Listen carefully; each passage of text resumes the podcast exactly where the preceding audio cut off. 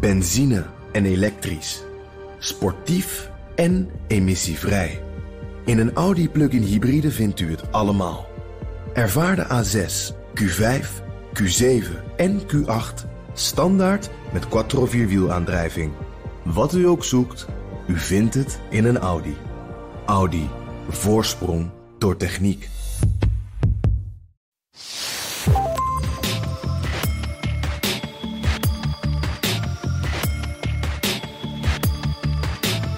...2019 had een feestelijk jaar moeten zijn voor China... met de viering van het 70-jarig bestaan van de Volksrepubliek. Maar het werd, zeker in het Westen, het jaar van de protesten in Hongkong... en over het nieuws van de kampen in Xinjiang.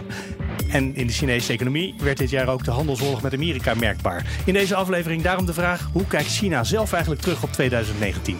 Mijn gasten, geopolitiek analist Joris Teer en Sanne van der Lucht, onderzoeker aan Klingendaal op het gebied van China-Afrika-relaties. Ik ben Mark Beekhuis en deze podcast wordt mede mogelijk gemaakt door het Leiden Asia Center. Ja, welkom allebei. Was 2019 een goed jaar voor China? Um, ik denk het niet. Ik denk ook uh, de voorwaarden die ze eigenlijk zelf stellen, wat zij zien als een goed jaar. Ik denk dat in de belangrijkste drie categorieën die eigenlijk Xi Jinping als succes ziet, dat hij er in eentje gelijk gespeeld heeft en twee verloren heeft. Wat zijn die criteria? Nou, ik denk dat het allerbelangrijkste is eigenlijk de, de, de, de positie van de partij in China zelf. Nou, die is behoorlijk stevig, dus ik denk dat hij daarin gelijk gespeeld heeft. Ik denk dat het tweede is uh, de, de, de minderheden-situatie en de territoriale integriteit van China. Dus dat wil zeggen dat alle groepen die misschien zelf wat twijfels hebben, willen wij bij China horen dat die binnen de boot blijven. Nou, ik denk we hebben, wat we gezien hebben in Hongkong, dat dat heel moeilijk was voor Xi Jinping. En het derde, het behouden van een internationale uh, omstandigheid waarin China's economie goed kan doorgroeien. Ik denk dat we met de handelsoorlog en met nu ook Europese twijfels over het handelscontact met China en onrust in de golf waar de helft van China's olie vandaan komt, denk ik eigenlijk uh, dat Xi Jinping daar wel een beetje wakker van gelegen heeft. Ja. Nou, ik denk dat het eigenlijk ook wel een goed jaar voor China geweest is. Ook een goed jaar. Ja. Um, vanwege de, de verontrusting in het Westen over die enorme groeiende invloed van China.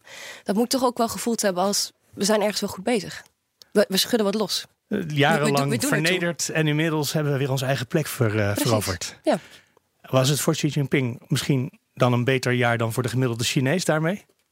Dat zou je misschien wel zo kunnen stellen, ja. Dat denk ik ook wel, ja. Ja, dus dat, nou, dat is meteen het verschil. We hebben natuurlijk het, de bevolking. Daarvan weten we niet echt wat ze vinden in China. Opiniepeilingen bestaan niet, hè? Nee, het is heel moeilijk om daar met zekerheid iets over te zeggen. Er wordt wel eens op kleine schaal iets te, gedaan, maar echt een groot beeld hebben we daar niet van. En ik denk, het is ook lastig eigenlijk om te peilen, omdat je natuurlijk een staatsmedia hebt, voornamelijk die het publieke debat informeert. Dus hoe zinnig het überhaupt is om die publieke peilingen te doen. Ja, het is zinnig om te weten wat er speelt en hoe de leiders daarop inspelen. Maar of dat ook echt een conclusie is waar uh, nou, een groot deel van de Chinese bevolking zelf tot gekomen is, is maar heel erg de vraag natuurlijk. Uh, wat zijn volgens jou de belangrijkste ontwikkelingen in het afgelopen jaar geweest? Gewoon de dingen die in China gebeurd zijn, die wij misschien voor een deel gemist hebben, of wel gezien. We hebben natuurlijk Hongkong gezien, uh, spanning met Taiwan die zich opbouwt. Maar wat voor soort, wat is, wat is het belangrijkste nieuws? Ik zie als belangrijkste verhaal eigenlijk Huawei en, en de handelsrelatie, die, uh, de handelsoorlog tussen China en de VS. Het begon met eigenlijk eind 2018, toen de CFO van Huawei, wat ook, die ook de dochter is van de CEO van Huawei, gearresteerd werd in Canada op verzoek van de VS. Wat me daar vooral al in opviel, is hoe makkelijk westerse media meeging in het verhaal van de VS. Het verhaal van de VS was dat Huawei uh, dat we bang moeten zijn voor Huawei vanwege spionage en achterdeurtjes. Terwijl het uiteindelijke de reden voor de VS om zo achter de broek van Huawei aan te zitten, is dat de VS bang werd um, om de. Ja, de concurrentie vanuit, ja, ja, voor Amerikaanse bedrijven, dat ze daar last van zouden gaan krijgen. Precies, uiteindelijk gaat het om de machtsstrijd tussen de China en de VS. Om uh, wie de nieuwe leider gaat worden in de vierde industriële revolutie. En de kaarten van China uh, staan daar goed voor. En vanwege, het grote, vanwege Huawei. Joris, wat is voor jou het, uh, het nieuws? Of zijn misschien er een paar dingen die eruit moeten gepakt ja, worden? Huawei was zeker belangrijk, maar voor mij klein terugkomend ook op wat ik in het begin zei. Ik denk dat de, vooral Hongkong heel belangrijk was. Ik bedoel, we zijn er nu een beetje aan gewend. Het duurt al zes maanden, de, de, de massale protesten die we gezien hebben. Het gaat nog steeds door, hè? Ja, het gaat nog steeds door. Dus er lijkt ook geen einde aan te komen. En uh, elke keer dat er een hoop was, oh nu komt de 70ste verjaardag eraan... dan zullen de Hongkonezen wel zo bang zijn dat ze niet meer de straat op gaan... of het nieuwe jaar of wat dan ook. Dan zal China inmiddels wel zo hard ingegrepen hebben. Precies, ja. Precies. Nou ja, die verwachtingen waren er. En dat is eigenlijk vanaf nu, er treedt al een soort van gewenning op. Elke keer dat we het zien, zijn het weer soortgelijke beelden met soortgelijke kleding en soortgelijke confrontaties.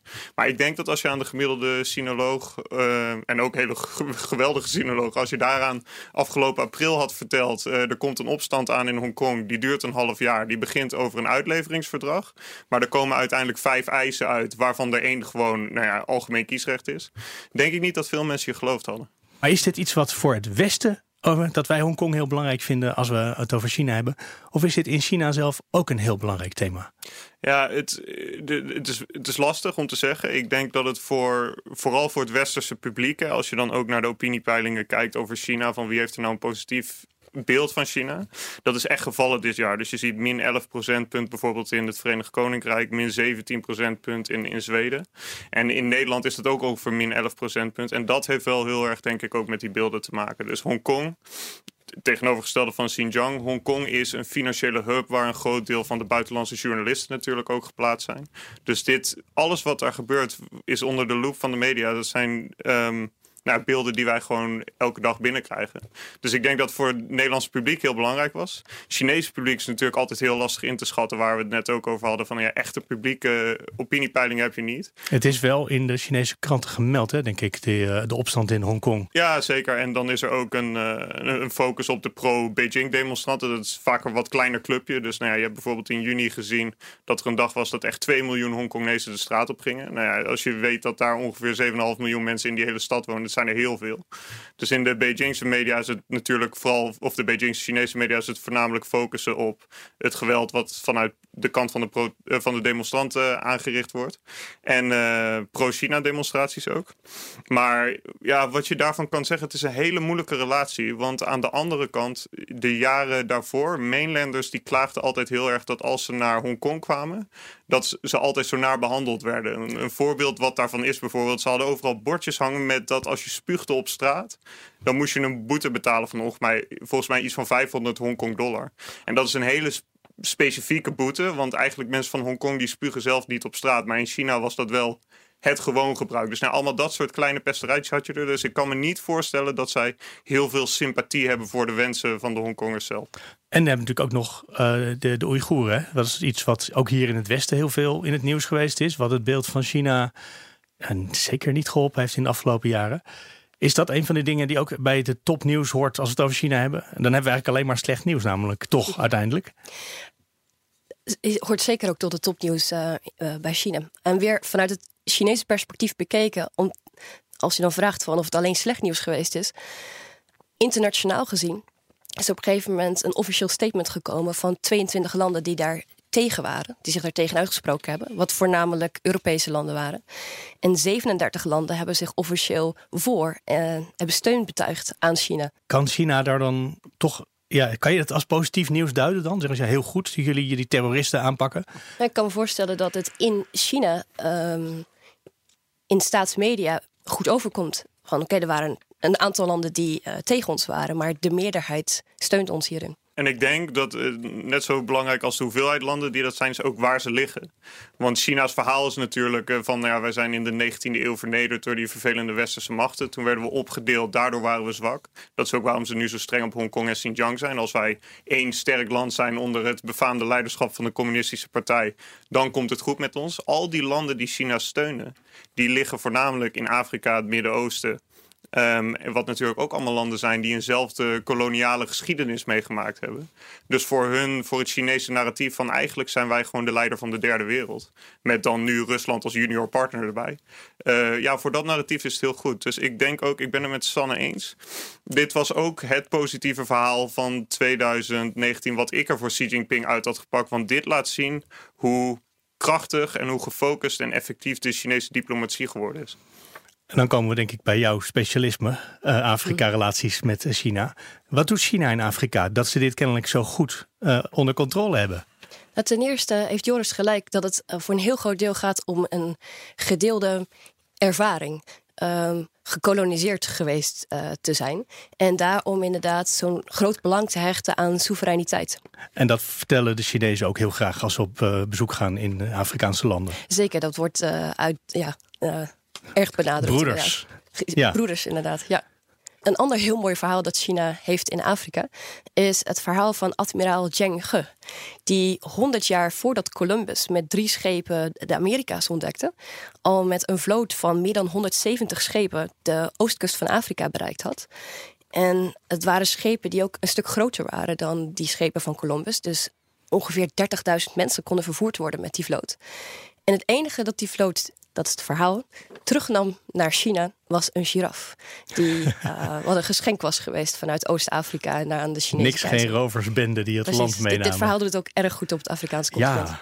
Um, maar en, en dit, dit, zijn natuurlijk hele mooie verhalen die ze vertellen. Maar uh, we horen natuurlijk ook dat ze al die Afrikaanse landen volstoppen met schulden in ruil voor infrastructuur die ze niet nodig hebben. Is ook heel interessant. Uh, de ehm, verhalen zijn een heel stuk negatiever in onze media dan uh, hoe ze beleefd worden op het Afrikaanse continent. Um, ten eerste gaat het om infrastructuur die het Afrikaanse continent heel hard nodig heeft. Dus het gaat niet om infrastructuur die, die niet nodig is. Um, en over de, de, de, de debt trap. Um, daar zijn, hebben een aantal Afrikaanse leiders zich onlangs nog over uitgesproken. En uh, gezegd dat het, het, het is een, een westers narratief. Dat veel van de schulden die, veel, die Afrikaanse landen al jarenlang opgebouwd hebben, zijn voor het overgrote deel nog steeds, um, hebben zij nog steeds met westerse landen. En daar komt nu bovenop de schuld die ze met, uh, met China aan het opbouwen zijn. Maar uh, er is geen sprake van een, een debt trap.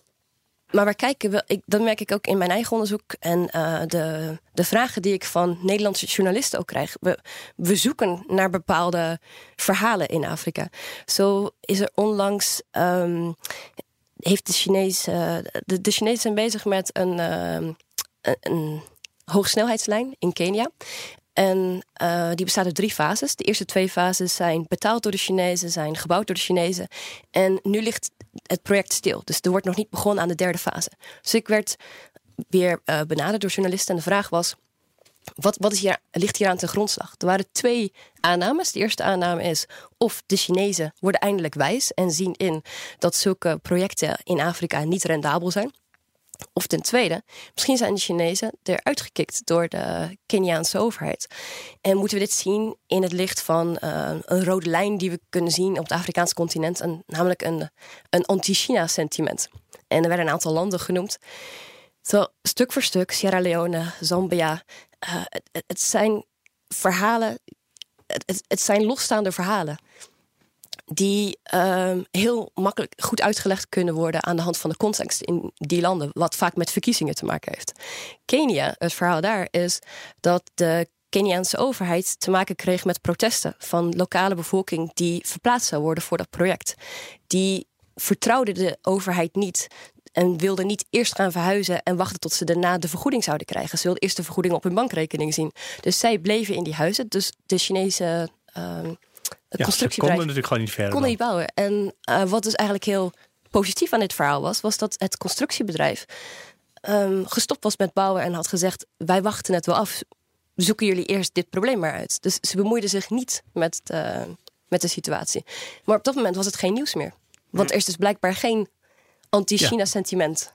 Er was geen conflict meer. Nou, er was wel een conflict, maar dat was binnen een Afrikaans land. En dat is niet onze, niet onze wereld. Dus komt het niet in onze kranten. Ja, ja ik vind het heel interessant wat je zei. Ik ben wel benieuwd. Um, zie je een verschil tussen wat bijvoorbeeld Afrikaanse leiders, hoe die over China denken, en de rest van de bevolking? Wat ik zag in die, die Pew polls die ik opzocht voor mijn deel van het gesprek voor over het Midden-Oosten en Europa, kwam heel vreemd een beetje eigenlijk ook tegen de trend in, kwam Kenia ook langs, waar je het net over had. En daar was nu ook 9 procentpunt dit jaar minder enthousiast geworden over China. En dat ging echt terug van 60 naar 50 procent van de bevolking. Het scheelt heel erg per land. Afrika is wel een continent met 54 Afrikaanse landen.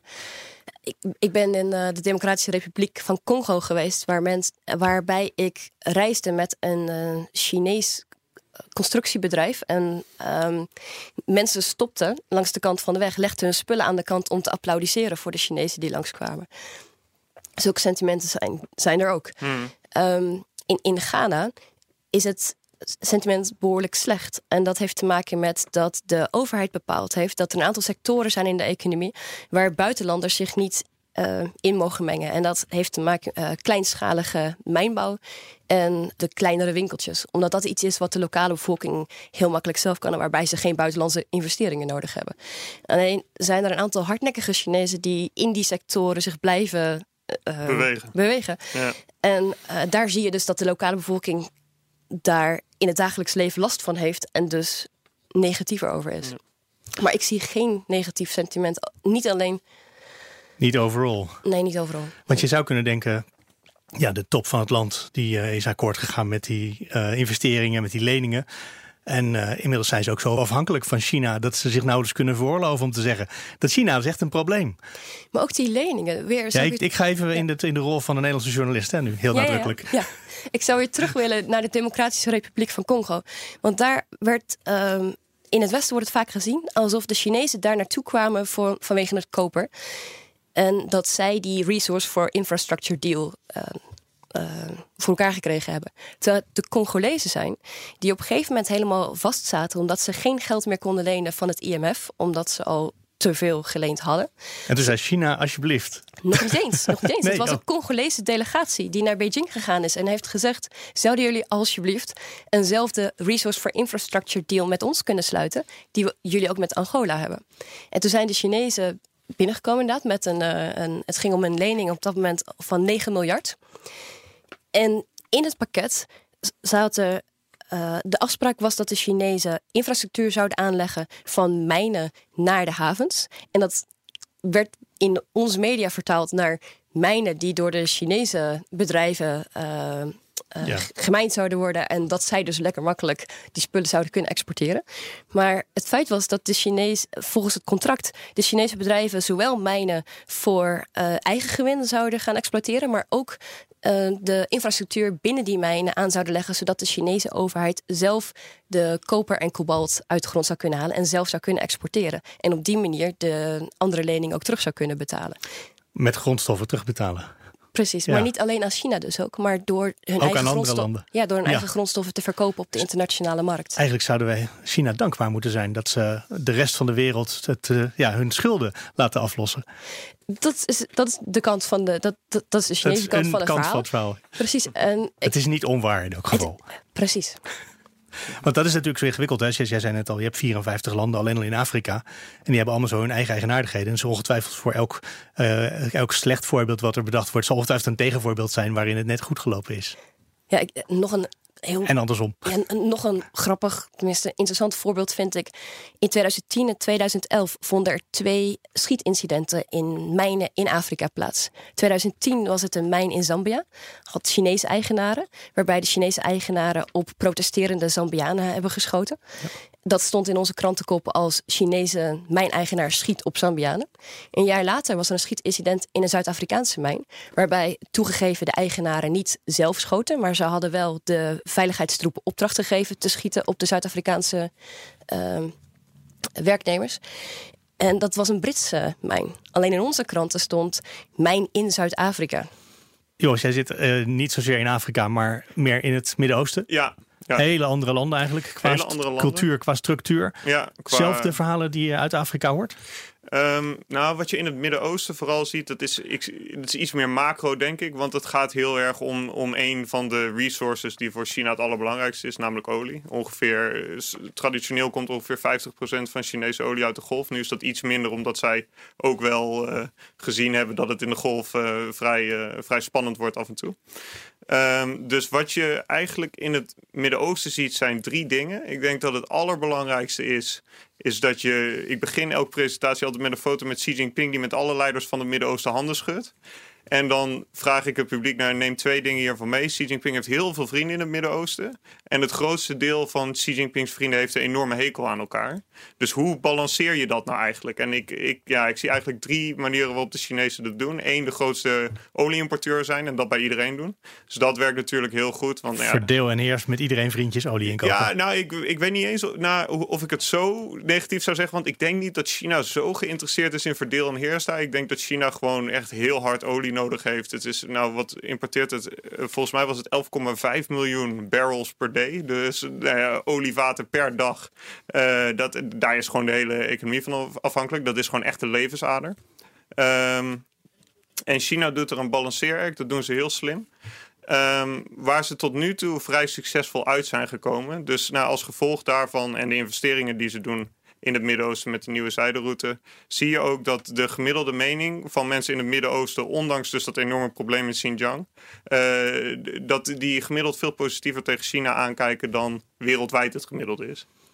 Wat is eigenlijk het verhaal wat ze in het Midden-Oosten vertellen? Want in Afrika hebben we net gehoord, we zijn broeders uh, die vroeger onderdrukt werden. Ja. Dat is in het Midden-Oosten moeilijker, zo'n verhaal. Um, nou ja, een deel van het Midden-Oosten natuurlijk wel. Ik bedoel, na de Eerste Wereldoorlog. Eh, kijk, eerst leefden alle Arabische landen onder het Ottomaanse Rijk. En dan kun je de vraag stellen van hoe blij waren die ermee om onder die, dat Turkse gezag uh, te leven. Voornamelijk in de laatste eeuw daarvan. En dan na de Eerste Wereldoorlog krijg je natuurlijk uh, de kolonisering door Engeland en Frankrijk. Um, wat voor de Chinezen prachtig terrein is. Want nou ja, zij proberen die verhalen altijd door te trekken. Hè? Dus wat, je had ook de competitie tussen de Sovjet-Unie en Amerika en het Midden-Oosten. Um, kortom, een hele reeks landen die allemaal binnen jouw landsgrenzen mede jouw beleid wilden bepalen. Op wat voor manier dan ook. En de Chinezen hebben eigenlijk na de dood van Mao Zedong hebben zij bepaald... wij voeren een beleid, buitenlandbeleid van, nou dat noemden zij uh, non-interference. Dus dat betekent ik interveneer niet binnen jouw landsgrenzen. Um, hoe jij je eigen bevolking behandelt is geheel aan jou. Wij in China weten ook dat het soms best wel moeilijk kan zijn om uh, te besturen. Um, dus ja, kijk, stel, stel, je bent iemand als Erdogan. En je moet elke keer dat je als je met de Europese Unie aan tafel zit, krijg je weer, word je weer op de vingers getikt over de hoeveelheid journalisten die er in het gevangen zitten. Of door de VS. Nou, krijg je dat soort opmerkingen ook na een tijdje, als je dit zelf. Vanuit China komen die vragen gewoon niet, natuurlijk. Die, nee, die, die, die vragen komen niet. En China uh, sluit nu meer journalisten op dan dat uh, Turkije deed. Ja, dat was, was de eerste recordhouder. Maar ja, ja, precies. Ja. Nu, is, nu is China dat. Dus het enige wat en waar de crux ook zit en waar het moeilijk gaat worden, wat ik denk waar het moeilijk gaat worden de komende vijf jaar, dat, dat principe moet volgens de Chinezen wederkerig zijn. Dus wij zeggen niks over wat er binnen jouw landsgrens gebeurt. Maar wee, o wee je geweten als jij iets zegt over Hongkong of Xinjiang. Nou ja, en dan voor het Midden-Oosten is het natuurlijk vooral um, het idee van een soort um, hoe zeg je dat, solidariteit onder de islamitische gemeenschap. Zitten we weer bij de Oeigoeren. Precies, is het steeds moeilijker om niks te zeggen. En ik denk, dat is eigenlijk ook wat ik in de nabije toekomst... ik denk dat Erdogan degene is waar je naar moet kijken in uh, de komende die gaat jaren. Die, die gaat dat doorbreken, die code? Die bijt het meest op zijn tong. en eigenlijk, Erdogan die snapte China denk ik eerst niet helemaal. Want in 2009, en dat is, nou ja, toen waren al die kampen er nog niet... maar was er wel frictie in, in Xinjiang al. Toen heeft Erdogan het al een soort van culturele genocide genoemd. Uh, en sindsdien heeft hij zelf tien jaar zijn mond gehouden. Af en toe mag de minister van Buitenlandse Zaken iets erover zeggen. of iemand binnen het ministerie zelf. Maar het probleem voor Erdogan is: een groot deel van zijn eigen legitimiteit hangt op zijn imago, ik kom op voor het lot van de moslims wereldwijd. Dus nou ja, kortom, daar zie je dat echt... moet hij ook dan gaan doen binnenkort. Precies, dat, moet hij, dat kan je niet alleen doen tegen kleine landen als Myanmar... hun betichten van genocide, dat is vrij makkelijk. Of Israël, Netanyahu een kindermoordenaar noemen. Twee jaar geleden is dat nog gebeurd. Ja. Um, vroeg of laat, er zijn demonstraties over binnen Turkije zelf. Dit taant aan zijn populariteit ook. En dat heeft ook weer een directe connectie met die Arsenal-voetballer, die uh, Özil, die zich wel uitsprak. Um, nou, ik weet niet of jullie die case gevolgd hebben, maar dat was bijzonder spannend. Euzel die, uh, die postte op, op Facebook dat het een grote schande was dat de islamitische wereld niks zei over die kampen. En nou, meteen dag daarna Arsenal Manchester City uh, wedstrijd werd niet meer uitgezonden in China. Consequenties voor als Arsenal hier geen afstand van zou nemen. Die Euzel die liet zich trouwen door Erdogan.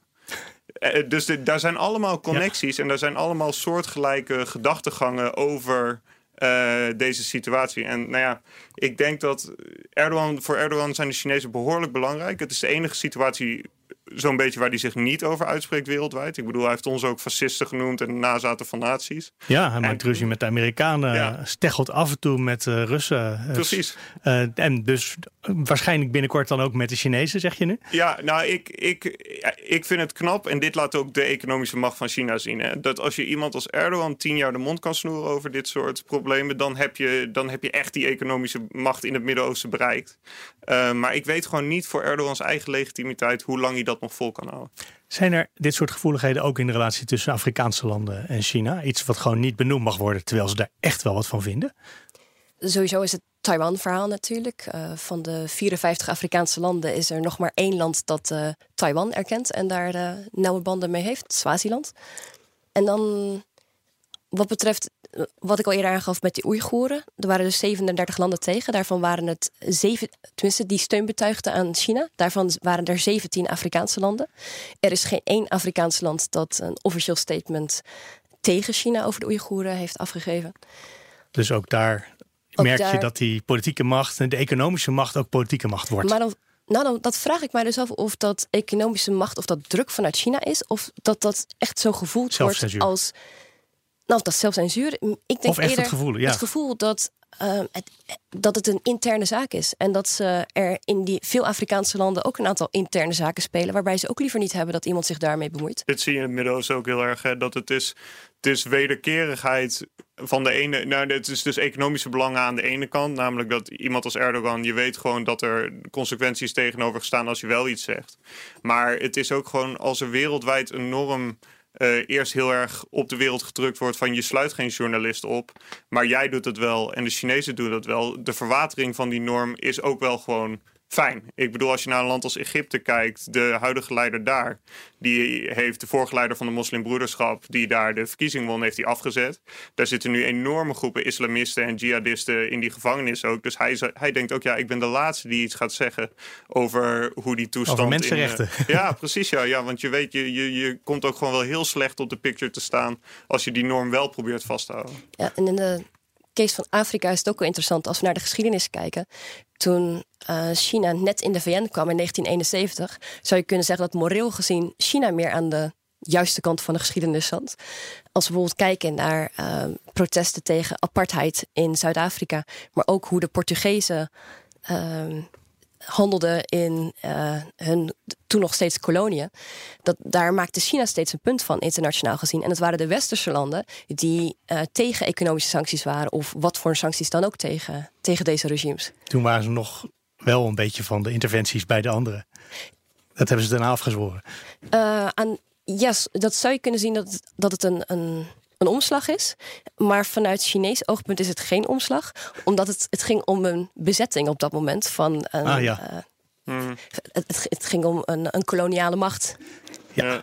Dus dan, is het een, dan is het een ander verhaal. Het waren geen interne zaken in dit geval. Ja. ja, het is wel heel interessant ook. Want wat je, die omschakeling, die, ik denk dat die er wel degelijk geweest is. Mao Zedong die nou ja, aan het roer Maar misschien niet in dit specifieke voorbeeld. Ja, dat zou, dit zou net anders kunnen zijn. Maar Mao Zedong vanaf 49 tot 76, dat was gewoon de, de, de wereldwijde communistische revolutie zou er komen. Dus die steunde communistische groeperingen door heel Azië heen. En Deng Xiaoping heeft daarna gezegd, luister, het, we zijn blut. Laten we eerst voor onszelf gaan zorgen. Precies, ja. En dan, nou, die had ook echt een slogan, iets in de trant in het Nederlands van laten we onze capaciteiten verstoppen. En uh, wacht geduldig af, wat zoveel betekende als um, wij hebben eigenlijk liever geen buitenlandbeleid. Um, want daar maak je alleen maar vijanden mee. En dat is nou, een van die belangen van China nog steeds die ik eerder noemde. Dan kan het zo zijn dat het internationale systeem zich tegen ons keert en dat wij niet meer zo goed economisch uh, kunnen groeien daarbinnen. En ik denk als er één groot verhaal ook wel heel erg aan 2019 aan dit jaar kleeft, is dat dat echt voorbij is. Dus als je ziet, zowel in China's acties in het binnenland en hoe ze zich uitspreken over sommige situaties in het buitenland, nou, dat uh, verberg je capaciteit en wacht geduldig af. Dat uh, is niet meer nodig ook. Zullen, we, eens naar het volgend jaar gaan kijken, 2020? Wat er daar voor thema's aan de oppervlak komen waar we voor een deel misschien wel iets al kunnen voorspellen. Je weet dat er presidentsverkiezingen komen in Amerika. Je weet dat er verkiezingen in Taiwan zijn. Maar misschien zijn er ook nog wel hele andere ontwikkelingen die uh, binnenkort gaan spelen. Om te beginnen met de presidentsverkiezingen in Amerika. Ik vermoed dat dat wat uh, lucht en ruimte zal geven aan China. Omdat Trump zich wat meer binnenlandspolitiek zal gaan richten. en ehm, die enorme technologische ontwikkelingen waar China mee bezig is, daar krijgen ze alleen maar meer ruimte voor. Het afgelopen jaar heeft Amerika geprobeerd om die technologische ontwikkeling tegen te houden.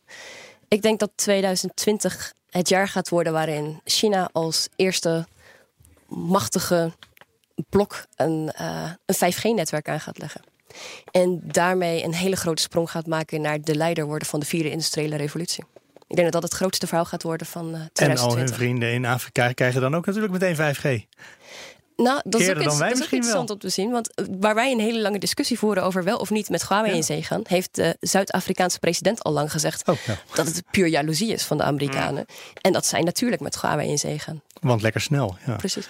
Dat is, de, eh, dat is er eentje. Amerika, wat, hoe schat jij in dat die verkiezingen. Want je kan ook denken, hij moet het komend jaar weer heel erg doortastend uh, keihard optreden tegen die nare Chinezen. Ja, als, ik denk dat dat niet het verhaal is. Je zag die voorlopige deal, die natuurlijk uh, ook mid-december uit de bus kwam met, met de Verenigde Staten. Een voorlopige trade deal die nog helemaal niet vaststaat. Want nou ja, Trump en de, zijn regering die roepen, de Chinezen hebben zich gecommitteerd om 16 miljard uit te geven aan, aan landbouwproducten vanuit Midden-Amerika. En de Chinezen hebben dat helemaal niet bevestigd. Dus je weet helemaal niet of die deal vaststaat.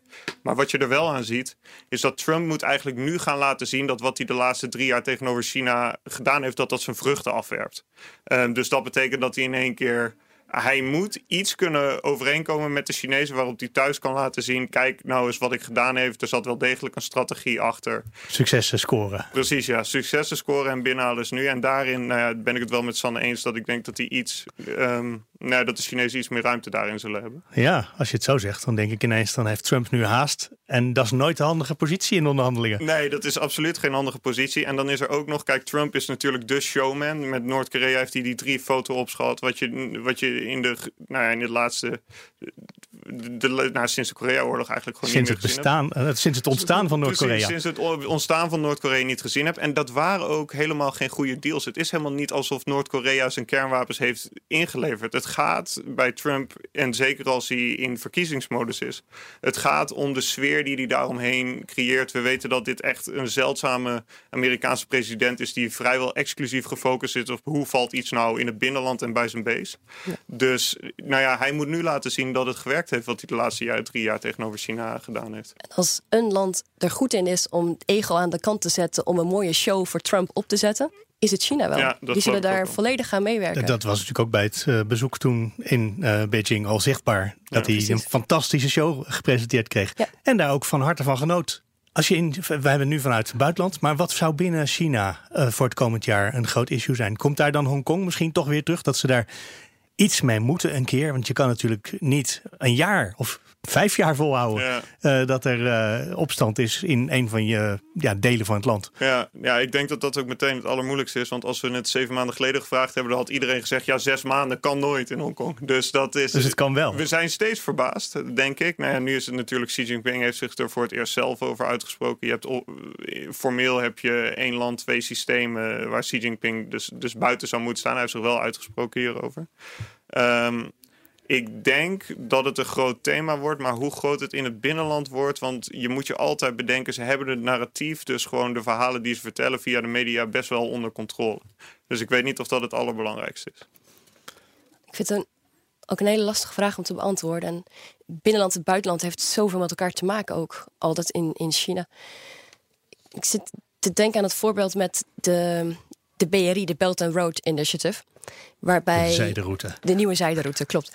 Waarbij als ik twee jaar geleden probeerde een Chinese collega mee te krijgen in een onderzoeksproject over de Chinese zijderoute, dan kwam er een diepe zucht en niet weer. Alle, alle onderzoeken die zij moesten doen, daar werd altijd de vlag zijderoute uh, ingezet, omdat dat zorgde voor financiering en dat de overheid dan uh, het zou steunen, het onderzoek. Terwijl twee jaar geleden was in Nederland, in Europa was bijna niemand ermee bezig. En nu in één keer zien we er de noodzaak van in om of er tegen te zijn, of een, een alternatief te verzinnen, of op die trein mee te springen. En nu het zo erg begint te leven in het buitenland, begint het ook weer veel meer te leven. En komt er een, een trotsgevoel meer bij. Um, zie ik in China een, een trotser gevoel over die, die zijderoute. Daarvoor zeiden ze: het is allemaal propaganda van onze overheid. Maar het is een. Dat was niet het hele verhaal. Een self-fulfilling prophecy. Ja. Het, het, begon misschien als propaganda, maar nu de rest van de wereld erop inhaakt, wordt het wat. En mm. Ehm, ik zit, wat betreft Hongkong, denk ik ook zolang. Ik denk dat uh, vanuit het Westen geprobeerd wordt om Xi Jinping uit de tent te lokken met een bepaalde reactie hierop. Ik denk zolang hij zich heel rustig houdt in deze situatie, het ook niet in het binnenland een heel groot issue wordt. Maar zijn wij daarmee bezig in Nederland of in Amerika misschien meer om Xi Jinping ook actief uh, ja, ja, hoe gaat te prikkelen? ja, onze vraag is constant: hoe gaat Beijing hierop reageren? Dat, is waar we ons mee bezighouden. Maar zeg je dan ook dat Amerika een actieve rol erin speelt in die protesten in Hongkong? Nee, dat, eh, dat zou ik niet zo willen. Want dat zegt Beijing wel. Precies, nee, dat, zou ik niet zo willen zeggen. Nee, het gaat, het gaat om hem, hem om een reactie te vragen. Hmm. Ja, we kunnen sowieso altijd alleen maar speculeren over het komend jaar. Dus wat dat betreft is het altijd een moeilijke vraag. Maar wat misschien nog het dichtst bij ligt, is de verkiezingen in Taiwan. Die in januari komen. Valt daar iets van te zeggen hoe dat in China zal vallen? Want daar gaan natuurlijk een heleboel onaardige dingen over het, uh, het vasteland gezegd worden. Ja, ik denk wel eh, in Taiwan, waar iedereen het natuurlijk over eens is, is dat hereniging onder Chinese vlag, dat dat, eh, dat eigenlijk een no-go is. Dus dat er is wel een strijd nog tussen de twee partijen van hoe dan verder? Uh, Tsai Ing-wen, de huidige president, heeft nooit het uh, één land, twee systemen principe, waaronder Hongkong, uh, bestuurd wordt, heeft zij, altijd, heeft zij voor Taiwan nooit omarmd. En, ze, en voor Hongkong zien ze nu ook hoe dat uit kan pakken. Precies, dus ik denk wel de, het beeld van, uh, van China is momenteel weer tanende in Taiwan ook. Dus is ook wel grappig dus hoe al die minderheden kwesties elkaar beïnvloeden. Want in Hongkong zie je weer in interviews terug dat sommige jonge mensen daar zien... ja, maar we hebben de beelden van Xinjiang gezien. Dus als wij nu niet vechten, dan dan niet meer. Dus die, nou, dat zijn allemaal vaak. Ja, zijn ze bang voor het oprichten van, van kampen in Hongkong? Ja, nou ja, dat zal, ja, ik denk niet dat dat zal gebeuren. Want nogmaals, dat ligt zo onder de schijnwerpers en de, dit is de groot deel van de financiële wereld. Ik denk dat zowel. Um, nou, Taiwan is misschien een verschillend verhaal, maar in Hongkong heb je natuurlijk altijd nog Um, je hebt en de lange adem. Hongkong is al in recessie. Uh, er is dan ook een oudere groep mensen in Hongkong die, waarvan een kleiner deel zit te wachten op actieve opstand tegen China. Die ook gewoon denken, ja, maar we onze uh, leefbaarheid hier, die willen we in stand houden. Onze welvaart hier willen we in stand houden. We zijn zo'n mini-stadje vergeleken met het Chinese vasteland. is eigenlijk een soort uh, onzinnige strijd om te voeren. Dus ik denk dat je daar de discussie heel erg moet zien. De strijd binnen Hongkong. Precies, ja, maar, nou, maar kies China de lange middelen. Van je geeft gewoon steeds meer handelsvoordelen aan Macau en de Chinese steden eromheen die Hongkong nu heeft. Waardoor Hongkong eigenlijk steeds minder belangrijk wordt. Of nou ja, zie je een soort grootschalige interventie. Ja, en om nog misschien iets beter te proberen uit te leggen wat ik net wilde zeggen, is. Ik denk dat China heel erg bezig is met. Um, verantwoord wereldleiderschap uit proberen te stralen. En daarbij kunnen ze het zich niet veroorloven om of bij Taiwan of op Hongkong um, te agressief te reageren. Maar dat uitroken, dat zou dan wel kunnen. Je zegt nou, we doen gewoon al die handelsvoordelen, die geven we aan anderen en dan gaan we daar wel even het financieel centrum bouwen. Precies. En ik denk ook dat ze eigenlijk misschien ook wel even aan het wachten zijn op een andere internationale crisis. Dat die schijnwerpers weer ergens anders opgericht worden. Dus dat het meer aan het, aan het uitzitten zijn. Zo was Syrië, kwam uh, China ook wel handig uit wat betreft de... Ging het nieuws over een andere dingen eventjes. In plaats van, ja, in plaats van de, de, de Chinese Zuidzee. Ja. ja. Waar op dat moment natuurlijk ook van alles plaatsvond. Dus ik, ja. ik denk wel, dat is eigenlijk wat ik net ook zei met dat, die, wat Deng Xiaoping vroeger zei, hè, van verstop je capaciteiten en wacht geduldig af. Ik, ik sta er iets anders in. Ik denk niet meer dat China zo, zo bezig is met vooral het beeld hier in het Westen wat we van ze hebben. Want nou ja, zoals we gezien hebben, dat stanende zowel van het minderhedenbeleid als het idee dat China Europa uit elkaar wil, wil spelen. Um, en wat ik daarin zie, is dat heel vaak was het idee, ook toen China een stuk zwakker was, dus bijvoorbeeld bij de grote Tiananmen-opstand toen, van ze zullen altijd handel prioriseren boven de positie van de partij. En ik denk niet dat dat waar is. Ik denk als het ooit... Tegenwoordig is de partij nummer één. Precies, ja. Ja, ik denk ooit dat als... het buitenland maakt ook niet zoveel uit, hè? Nee, nou, in, in ieder geval Europa niet. Dus ik denk dat we twee verhalen hebben gezien dit jaar. Eén is van, we zeggen eerlijk tegenover Europa wat we denken. En het tweede is, ons publiek zit eigenlijk toch ergens anders, namelijk in Afrika en het Midden-Oosten en misschien Latijns-Amerika als in wij zijn de leiders van de derde wereld. Ja. En wat je ziet, um, ik denk dat als Xi Jinping ooit het gevoel heeft: ik word voor een binaire keuze gesteld, namelijk of het is een onafhankelijk Hongkong, hè, maar nogmaals, dat is nu helemaal niet wat er door de demonstranten geëist wordt. Of ik ga er met de troepen in, dan wordt het heel moeilijk om niet dat tweede te doen. Dat hebben ze in het verleden ook gedaan. En eigenlijk ook wat ze van die Tiananmen-opstand uh, geleerd hebben. Ze hebben toen iets van anderhalf, twee jaar in het verdomhokje gezeten. En daarna werd China... over. Precies, ja. Ik bedoel, wie heeft het bijvoorbeeld... De MH17, hè? Dat is vijf jaar geleden. De, nou, hier het land was te klein, uiteraard. Verschrikkelijke gebeurtenis die uh, hier in Nederland plaatsgevonden hebben. De Russen erbij betrokken. Toen viel Poetin de Krim binnen en nam die over. Een hoop uh, geluid hoorden we vanuit Europa. Nee, dit gaan we Poetin niet vergeten. Nou ja, Macron, een van de uh, leiders van het idee van een verenigd Europa en eerst ook voor een strenge lijn op Poetin, heeft zijn gedachte daar ook, die wil ook een reset in de relaties met Rusland. Ja. Dat zagen we met Obama ook weer. Dus je moet een beetje uitkijken. Um, als we alleen maar redeneren van stel China grijpt in. En dat is zo verschrikkelijk slecht voor het beeld daarvan. Beelden veranderen eigenlijk vrij snel weer. Dat is eigenlijk het vreemde hieraan. En dan komen we aan het einde van de podcast. Dan ga ik altijd nog weer even terug naar de vraag waar het allemaal mee begon. Ja. En dat was, hoe kijkt China zelf terug op 2019? Uh, en aan het eind probeer ik hem altijd nog een keertje in één zin samen te vatten. Wat ik zou zeggen. Um, het was een slecht jaar. Het werd gezien als een slecht jaar in Europa. Maar wij zijn niet meer het primaire publiek uh, voor de Chinese publieksdiplomatie. Joris Teer, dankjewel. En Sanne van der Lucht. Is het in één zin te zeggen wat China van dit jaar vond? We doen ertoe. Kijk, kort en krachtig. We komen aan het einde van deze China-podcast. Dank dus aan mijn gasten Joris Sanne van der Lucht. Deze podcast wordt mede mogelijk gemaakt door het Leiden Asia Center. Wil je reageren? Dat kan via podcasts.bnr.nl. En dit is voorlopig ook even de laatste aflevering. Zowel BNR als de sponsor willen volgens mij allebei doorgaan. Dus de China-podcast komt vast snel weer terug. Eh, een beetje anders verwacht ik. En in elk geval met een andere presentator. Abonneer je dus nog wel eventjes. Want ja, er komen vanzelf weer nieuwe afleveringen. En die komen dan vanzelf in je podcast-app naar voren van de China-podcast. En in de tussentijd kan je dan al die andere afleveringen uit het verleden nog even terugluisteren. Dat kan via bnr.nl slash China-podcast, in iTunes, via Spotify en natuurlijk in de BNR-app. Dankjewel voor het luisteren.